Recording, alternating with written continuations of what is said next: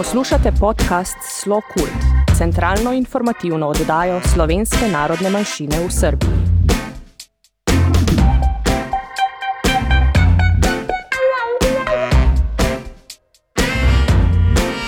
Dragi slušalci, dobrodošli u još jednu emisiju Slo Kult podcasta centralnu informativnu emisiju namenjenu članovima slovenačke zajednice u Srbiji, slovencima po svetu i u Matici, kao i svim zainteresovanim za slovenačku kulturu i savremeno stvaralaštvo slovenačke zajednice u Srbiji. Naše emisije ispunjene su aktuelnostima u oblasti kulture i umetnosti u Sloveniji i Srbiji, najavama događaja kao i razgovorima sa relevantnim gostima o zanimljivim temama vezanim za Slovence u Srbiji, Matici i svetu. U ovoj emisiji predstavit ćemo odabrane sadržaje koji su obeležili mart mesec 2023. godine u Sloveniji, zatim informacije iz Srbije vezane za slovenačku kulturu, dok ćete u trećem delu emisije čuti zanimljivosti vezane za rubriku Upoznajmo znamenite Slovence.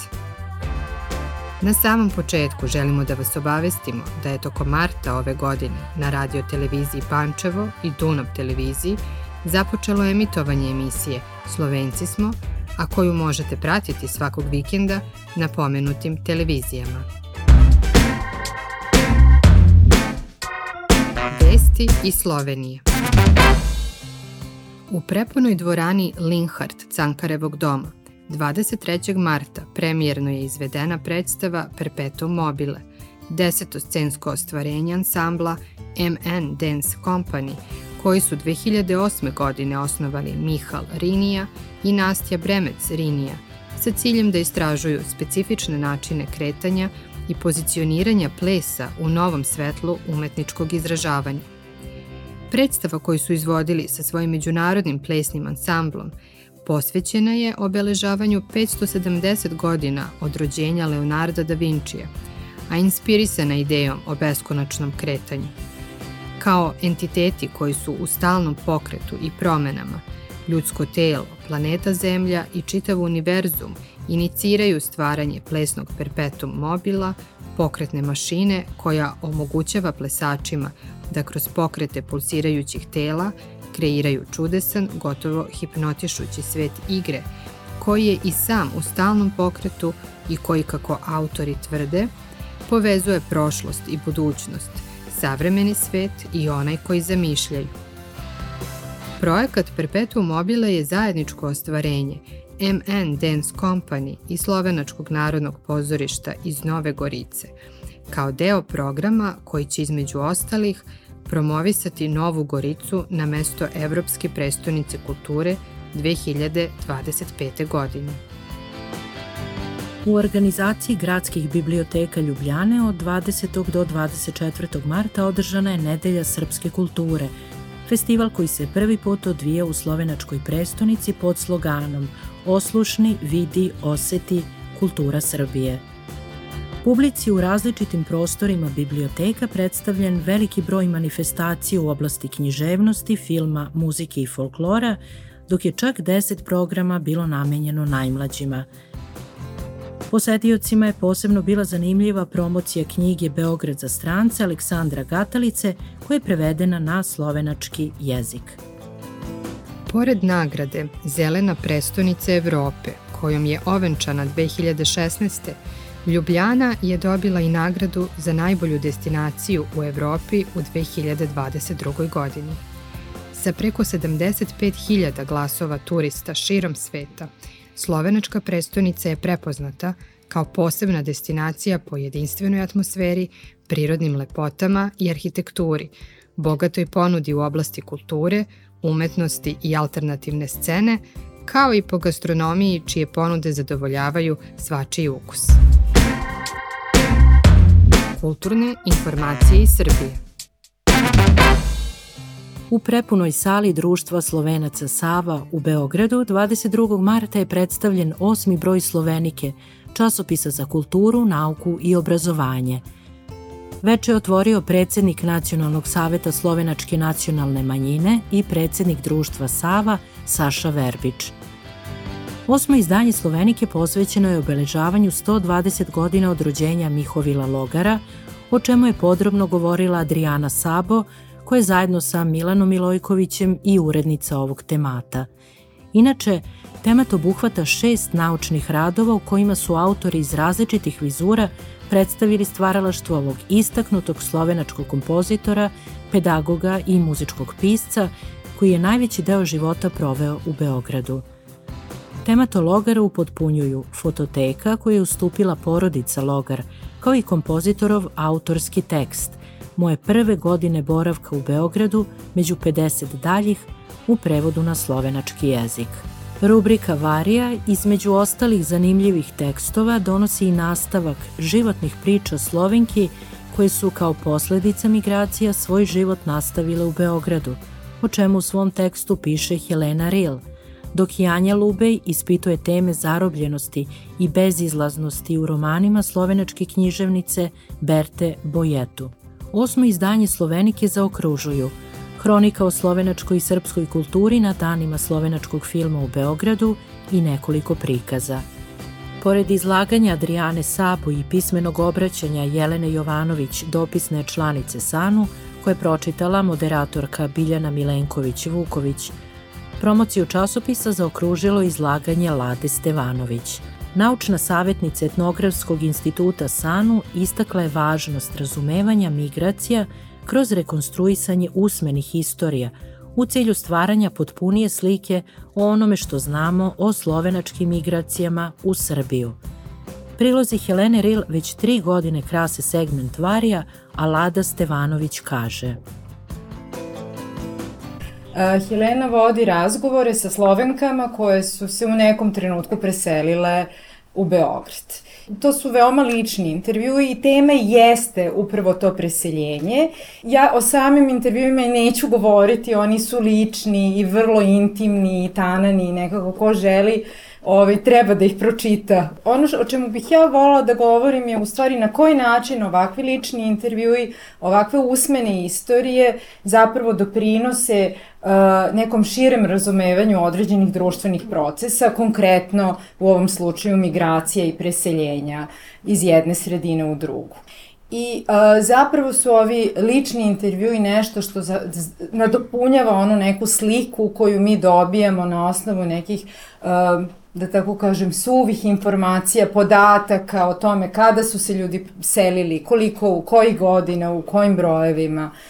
I, ili kada govorimo o istoriji uh, i o, zapravo o studijama sećanja, konkretno mi ovaj, baratamo, um, postoje dva pojma koje su veoma važna. Tu jedan je pojam kolektivnog pamćenja, to je neko pamćenje koje je dominantno. To su priče koje, odnosno pamćenje koje se konstruiše i kroz medije, i kroz učbenike, i kroz muzeje, i kroz spomenike, dakle kroz sve ono što čini neki, um, neki javni diskurs Na, nasuprot tom kolektivnom pamćenju postoje sećanja koje su lične i samo naša i koje nekada koje su nekada i kontradiktorna i kompleksna i, i zapravo mnogo bogatija i mnogo životnija od onih suvih priča koje možemo pročitati. I upravo u tom smislu su ovi prilozi uh, Helene Ril veoma dragoceni i zapravo čuvaju jednu daleko kompleksniju sliku ljudskih sudbina.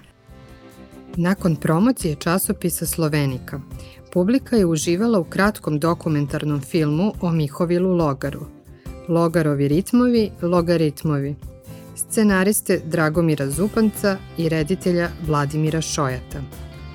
Film je snimljen u okviru serijala Znameniti Slovenci u Beogradu i projekat je Nacionalnog saveta Slovenačke nacionalne manjine. A već narednog dana u četvrtak 23. marta u sali društva Sava gostovala je Barbara Hanuš.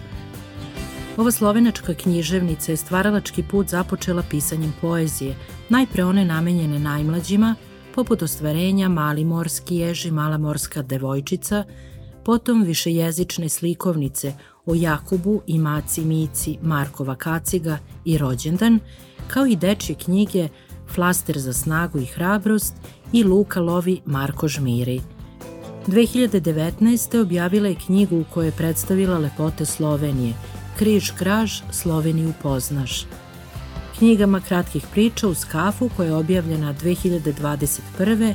i od 7 do 97 iz 2022. godine, Barbara Hanuš se obraća odraslima. Sada ćete čuti kratak intervju koji je nakon promocije sa Barbarom Hanuš vodila Ivana Mandić. Barbara, dobar večer. Dobar večer. Ali bi se lahko na kratko predstavili našim gledalcem? Prihajam z Bleda iz Slovenije, dolgo sem živela v Ljubljani, zdaj pa že nekaj let živim na Bledu. Sem pedagoginja šolska, učiteljica v osnovni, srednji šoli, knjižničarka šolska. Devet let pa sem delala kot učiteljica dopolnilnega pouka slovenščine v Banja Luki v Republiki Srpski in seveda tudi v Prijadoru, Tesniču in Slatini. Kateri je povod za vaše gostovanje danes v Beogradu v društvu Sava? Napisala sem nekaj knjig, predvsem so to knjige za otroke, ki so tudi prevedene v različne jezike. V zadnjih letih pa sta išli dve knjigi za odrasle, Eh, pred dvema letoma knjiga Kavni krok. In Društvo slovencev Dvigle v Banjalenka se je odločilo, da bo to knjigo izdalo kot dvojezično knjigo. Prevedena je v srpščino in imamo knjigo v skafu, Kavni krok. In to je povod za današnje gostovanje, torej predstavitev dvojezične knjige za odrasle. Ta teden ste imeli tudi promocijo vaše knjige v Kostolcu, ki je oddelek Društva Sam. Kakšni so vaši vtisi iz tega gostovanja v Kostolcu? Vtisi so zelo lepi. Jaz sem v Srbiji zdaj že vse teden in na katere dneve so bile, prvi dan v Pačevu so bile kar tri promocije. Torej in v šoli, v gerontološkem centru in v mestni knjižnici v Kostolcu, smo bili v kulturnem dnev, eh, domu in zbralo se je veliko članov društva in njihov sprejem je bil res top. Navdušena sem nad odzivom ljudi, vse povsod, v vseh mestih, torej iz Pančeva sem odšla v Vršac, Novi Sad, Subotico, Stolac, Smederevo, danes Beograd, jutri še Ruma. In prav posod, kjer sem bila, so odzivi ljudi res izjemno topli, prijetni. Vsak se v teh zgodbah spomni nekaterih svojih zgodb. Hvala lepa za vaše gostovanje. Najlepša hvala za vabilo, resnično uživam v teh krajih. Bio je to intervju sa Barbarom Hanuš koji je vodila Ivana Mandić. Iste večeri u veselom svečanom ambijentu društva Sava proslavljen i rođendan Tatjani Bukvić, profesorki slovenačkog jezika u Srbiji, koja već godinama predano prenosi svoje znanja brojnim učenicima, najmlađim, ali i onim starijim. Tatjana, dobro večer. Kaj su vam pripravili tu u društvu Sava ta večer? Izredno lepo presenečenje. Kmalo bom praznovala 60 let, čeprav ženske naj ne bi povedale svojih let, jaz sem za jih. In uh, Prijetno so me presenetili z zdravljico, z rojstnodnevnim eh, darilom, in še zdaj sem pod vtisom, sploh ne vem, kaj bi rekla. Od kdaj poučujete slovenščino v Srbiji? Kdaj ste prišli v Srbijo kot učiteljica? Eh, zdaj, to leto bom končala eh, s delom v Srbiji, kar pomeni, da bom tukaj 13 šolskih let, 13 let kar je kar dolga doba, velik del moje delovne dobe. V katerih mestih, razen Beograda, poučujete slovenščino? Eh, moja mesta poučevanja so se v teh 13 letih menjala, eh, zadnja leta pa poučujem eh, v Beogradu, Nišu, Kostolcu in Svederevu. Predtem pa sem bila tudi v Kruševcu, Dragujevcu, Vršcu, Rumi, tako da uh, delala sem povsod, kjer je bila potreba, kjer so bili slovenci uh, in kjer je bilo, to, če te brez srca. Hvala. Samo za konec, kateri del poučevanja vam je bil najbolj priljubljen? Ali je to delo z otroki, mogoče, mogoče ekskurzije ali kakšni drugi? Eh, na to bi težko odgovorila. Vsak, vsak trenutek mojega učenja, dela z ljudmi, je poseben. Je posebno doživetje. Eh, in težko bi rekla, da je to delo z otroki, kot ekskurzije, poletne šole jezika ali delo z odraslimi, neki projekti, eh, delavnice. Vedno je, vedno je lepo, zato ker je to delo krasno in ker so ljudje krasni. U Muzeju savremene umetnosti u Beogradu 23. marta otvorena je grupna izložba Grad, mesto identiteta. Podeljena je u pet tematskih celina – privatni prostori, semiotika grada, urbani svet, globalni grad, subjekat i mesto i distopija, utopija. U okviru druge tematske celine, semiotika grada, Svoj rad je predstavila i slovenačka umetnica Jasmina Cibic, koja je diplomirala na Akademiji likovnih umetnosti u Veneciji, gde je 2013. predstavljala Sloveniju na Bijenalu. Radove je izlagala na brojnim samostalnim izložbama u Kalgariju, Zagrebu, Beogradu, Budimpešti i Ljubljani, kao i na grupnim izložbama u Njujorku, Londonu, Bonu i Luksemburgu. Fokus njenog umetničkog interesovanja usmeren je na film, skulpturu, performans i instalaciju, u okviru kojih istražuje meku moć, odnosno ispituje načine na koje se politička retorika razvija kroz umetnost i arhitekturu. Izložba Grad mesto identiteta otvorena je do 20. avgusta. Dolazak proleća svečano je obeležen u Udruženju kulture Parobrod 21. marta, kada je otvorena deseta po redu izložba Medvedi u čast proleću u organizaciji Umetničkog udruženja Medvedi koje je 2011. godine osnovao Marko Ulić, član društva Sava i Slovenac poreklom. Svakog proleća mnogi izlagači širom sveta učestvuju i svojim radovima proslavljaju proleće – a tema koja se odnosi na medvede uvek je donosila nove ideje i različite medije. Reč je o veseloj, duhovitoj i neobičajnoj postavci koju odlikuju radosne boje i teme, a slike, pored medveda koji je glavni motiv, prožimaju boje sunca, biljni životinski svet, pa i prolećna kijavica, ali i ostale lepote koje nam proleće donosi. Kroz veoma raznolik ilustrativni kolorit – Ova zanimljiva izložba uvela nas je u svet veselog i toplog vremena koje sledi. Publika je tokom izložbe, koja je zatvorena 5. aprila, imala priliku da se uključi i u propratne programe, poput kreativnih radionica, programa za decu i edukativnih predavanja. Izložbu Medvedi u čast proleću imaće priliku da vide i posetioci u regionu. Evo šta je o tome rekla Manja Lekić, jedna od urednica umetničkog udruženja Medvedi.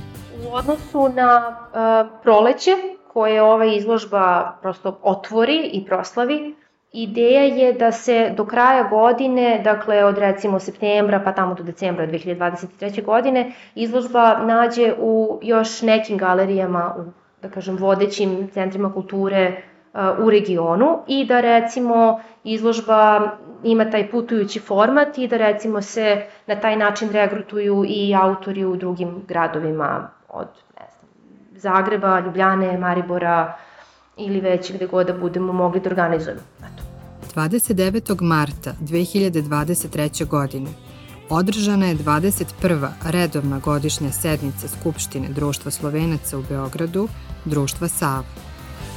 Na sednici je prisutnim delegatima predstavljen izveštaj predsjedništva društva o radu za 2022. godinu, zatim izveštaj odbora za kulturu, izveštaj o dopunskoj nastavi slovenačkog jezika, izveštaj o aktivnostima ženskog hora Pojoče družbe, finansijski izveštaj za 2022. godinu, kao i izveštaj nadzornog odbora o radu u protekloj godini. Na kraju je usledilo predstavljanje programa rada i plana aktivnosti za 2023. godinu. Svi izveštaji su jednoglasno usvojeni. Dragi slušalci, budite slobodni da sve zanimljive i važne informacije koje su vezane za kulturne i druge događaje slovenačke zajednice u Srbiji, kao i u Sloveniji, podelite sa nama – Vaše predloge možete poslati na našu e-mail adresu redakcija at slokult.info. Upoznajmo znamenite Slovence.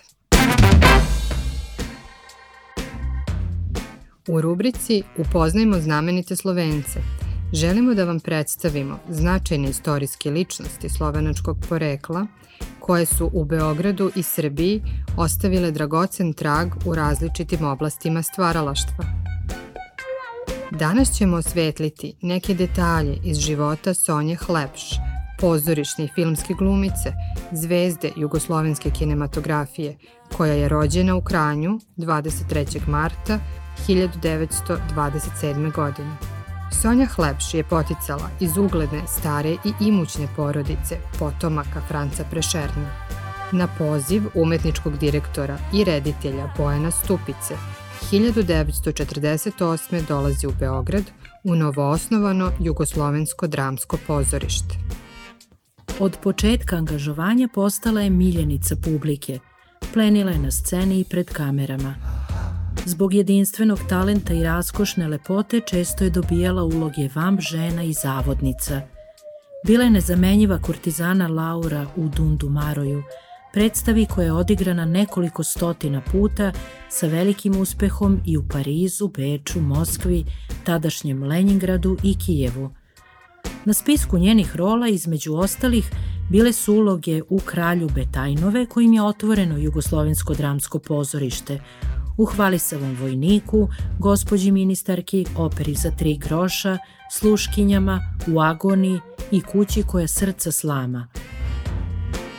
Iako je posebnu naklonost negovala ka pozorištu, i u filmskoj umetnosti ostala je upamćena u kultnim ostvarenjima, poput filmova Zvižduk u osam, Leto je krivo za sve i Kad golubovi polete. Zanimljiv je i podatak da se pored glume bavila i pisanjem – pod pseudonimom Sofija Rudolf objavljivala je kratke priče u politici. Do 1972. bila je članica Jugoslovenskog dramskog pozorišta koje je smatrala svojom kućom. Karijeru je prekinula zbog bolesti kada odlazi na lečenje u Švajcarsku gde je provela ostatak života. Preminula je 2005. godine, a sahranjena je u Rijeci. Dragi slušalci, To bi bilo sve što smo vam pripremili za danas. Naš podcast možete pratiti na svim relevantnim platformama kao i na sajtu slokult.info. Sa vama su bile Ivana Mandić i Irina Maksimović-Šašić. Tehnička realizacija Dino Dolničar. Redakcija Slokult podcasta Tanja Tomazin, Ivana Mandić, Saša Verbić, Dino Dolničar. Katarina Đorđević-Urošević i Irina Maksimović-Šašić. Sve najbolje vam želimo.